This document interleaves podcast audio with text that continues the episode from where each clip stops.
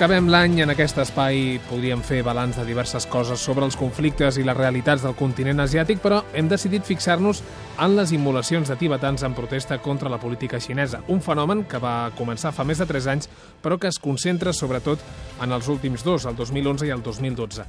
I a aquestes alçades ja comptem un centenar d'immolacions. Josep Lluís Alai, molt bona nit. Bona nit. Contextualitzem, com sempre, per començar, com s'ha desenvolupat el fenomen de les immolacions. Sí, aquest és un fenomen que, com deies bé, s'inicia de forma puntual per una persona, un monjo, que s'immola al febrer de l'any 2009. El 2009 no, això no torna a passar, no s'immola ningú més. El 2010 tampoc, però a partir de març del 2011 el fenomen s'agreuja, encara que d'una forma moderada. El 2011, si no recordo malament, érem al voltant de 15 persones immolades, però el 2012 agafa una acceleració mm, vaja, incontrolada, a partir de la qual tenim 79 persones que aquest any s'han immolat. Si fem càlculs ràpids, això vol dir que més d'una persona a la setmana, eh, gairebé dues, mm. s'han immolat de mitjana al Tibet en una societat que no arriba a 6 milions de persones, que són 5 milions, és a dir, molt menys que, que catalans uh, unes simulacions, a més a més, que tenen lloc naturalment en públic, enmig del carrer, a l'espai públic, en el que hi ha gent de tota condició, homes, dones, nens, etc etc. Per tant, és un fenomen que quan passa en una petita ciutat tibetana o un petit poble afecta doncs una mm. quantitat enorme de gent. Al mes de novembre, només al mes de novembre, s'han immolat 28 persones, és a dir, una cada dia, cada dia pràcticament, mm. que reivindiquen tots ells en comú abans eh, de ruixar-se amb benzina, beure gran quantitat de benzina i, a més a més, embolicar-se en fil ferro perquè no els pugui parar la policia xinesa, eh, tots ells criden en favor de la llibertat del Tibet, la independència i l'arribada del Dalai Lama. I, en Josep, hi ha un focus molt clar d'immolacions, dic, a l'est del Tibet. Per què? Sí, a veure, tot fenomen té les seves causes, com bé diu el budisme, i com és de lògica eh, per tots nosaltres. Això no passa d'una forma, diguéssim, irracional, que de sobte la gent es comenci a cremar. Això passa després de més de mig segle d'ocupació, de repressió, que més o menys tots coneixem del Tibet a mas de la Xina. El que passa és que hi ha un punt important d'inflexió, que és la revolta del 2008. Recordem, l'ASA, a pocs mesos de la celebració dels Jocs Olímpics a Pequín, esclata en una revolta generalitzada que acaba estenent-se per els més de 2.200.000 quilòmetres quadrats que ocupa tota l'àrea tibetana i arriba a les zones que tradicionalment havien estat més tranquil·les, més properes a l'assimilació amb Xina, perquè són més properes a la frontera cultural xinesa, que és tota aquesta zona d'Amdo-Kam o Sichuan, Gansu, Qinghai en termes moderns polítics. En allà, on hi havia una... No, evidentment no llibertat, però llibertat entesa d'aquesta manera, com nosaltres l'entenem, no hi és en cap lloc de la Xina, però hi havia una certa, si voleu, permissivitat, per exemple, una cosa com és tenir la fotografia del Dalai Lama, que he de recordar que està terminantment prohibida i causa pena de, pena de presó, si te la troben.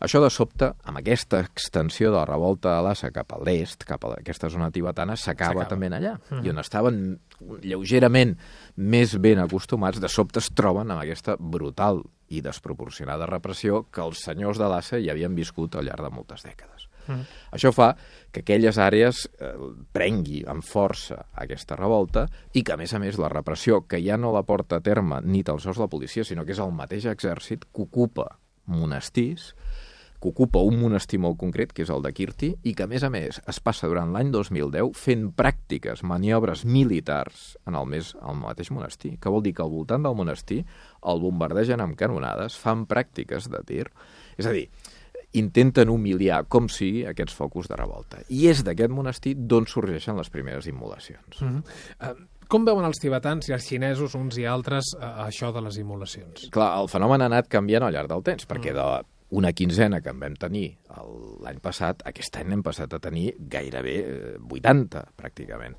Clar, cada cop més la societat tibetana ho ha, ho ha anat veient no com una mostra de desesperança, no ho hem d'interpretar com un suïcidi, perquè aleshores estaríem davant doncs, d'una doncs, societat que s'està ella literalment immolant per desaparèixer, sinó que ho ha interpretat com una arma política que té, a més a més, una potència fortíssima, perquè el govern xinès no sap com enfrontar-se a això. És a dir, tu pots parar un moviment polític, potser pots detenir gent organitzada, que té armes, etc però algú que es ruixa, surt al carrer i es cala foc, això és gairebé imparable. I llavors ells ho interpreten com un sacrifici que fa l'individu en benefici de la llibertat de tot un poble. I, i aquest mateix, aquesta mateixa manera que té la societat tibetana d'entendre el fenomen, una part, no dic que tothom, eh, però que, que l'entén d'aquesta manera, pensem que aquí ja no són monjos i monges, són camperols, són estudiants, són joves, són grans, són vells, són adolescents, alguna només amb 16 anys. Clar, això ho veuen doncs, com, com, com l'arma imparable amb la qual ells mantenen viu el conflicte del Tibet, no hi ha alternativa, i tampoc ho poden parar, perquè si ho paren, vol dir que tots aquells que han mort, tot aquest dolor acumulat de totes aquestes simulacions, haurà estat inútil. I això, aquest és el fenomen, si voleu, en, en certa manera, mm, no sé com dir-ho, diabòlic, no? És a dir, no té fi.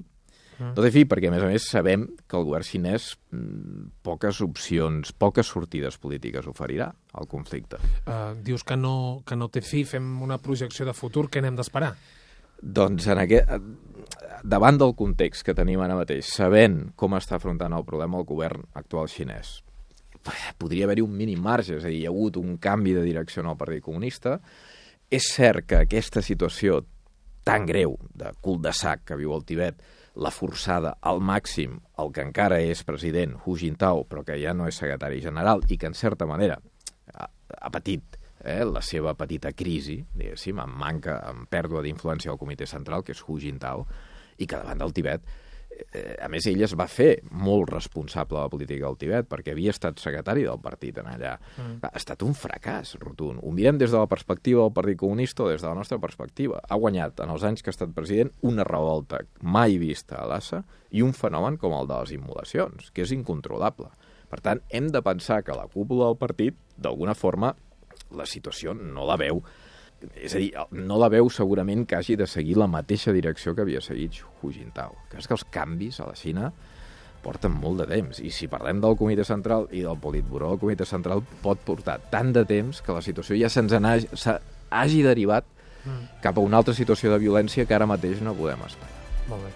Doncs eh, les immolacions de tibetans que s'han disparat aquests dos últims anys, sobretot els últims mesos, veurem què dona de si el 2013. En tornarem a parlar l'any que ve perquè ara ens venen festes. Que tinguis bon Nadal, bona entrada d'any. Josep, bona bon nit. Bon Nadal a tots i moltes gràcies altre cop.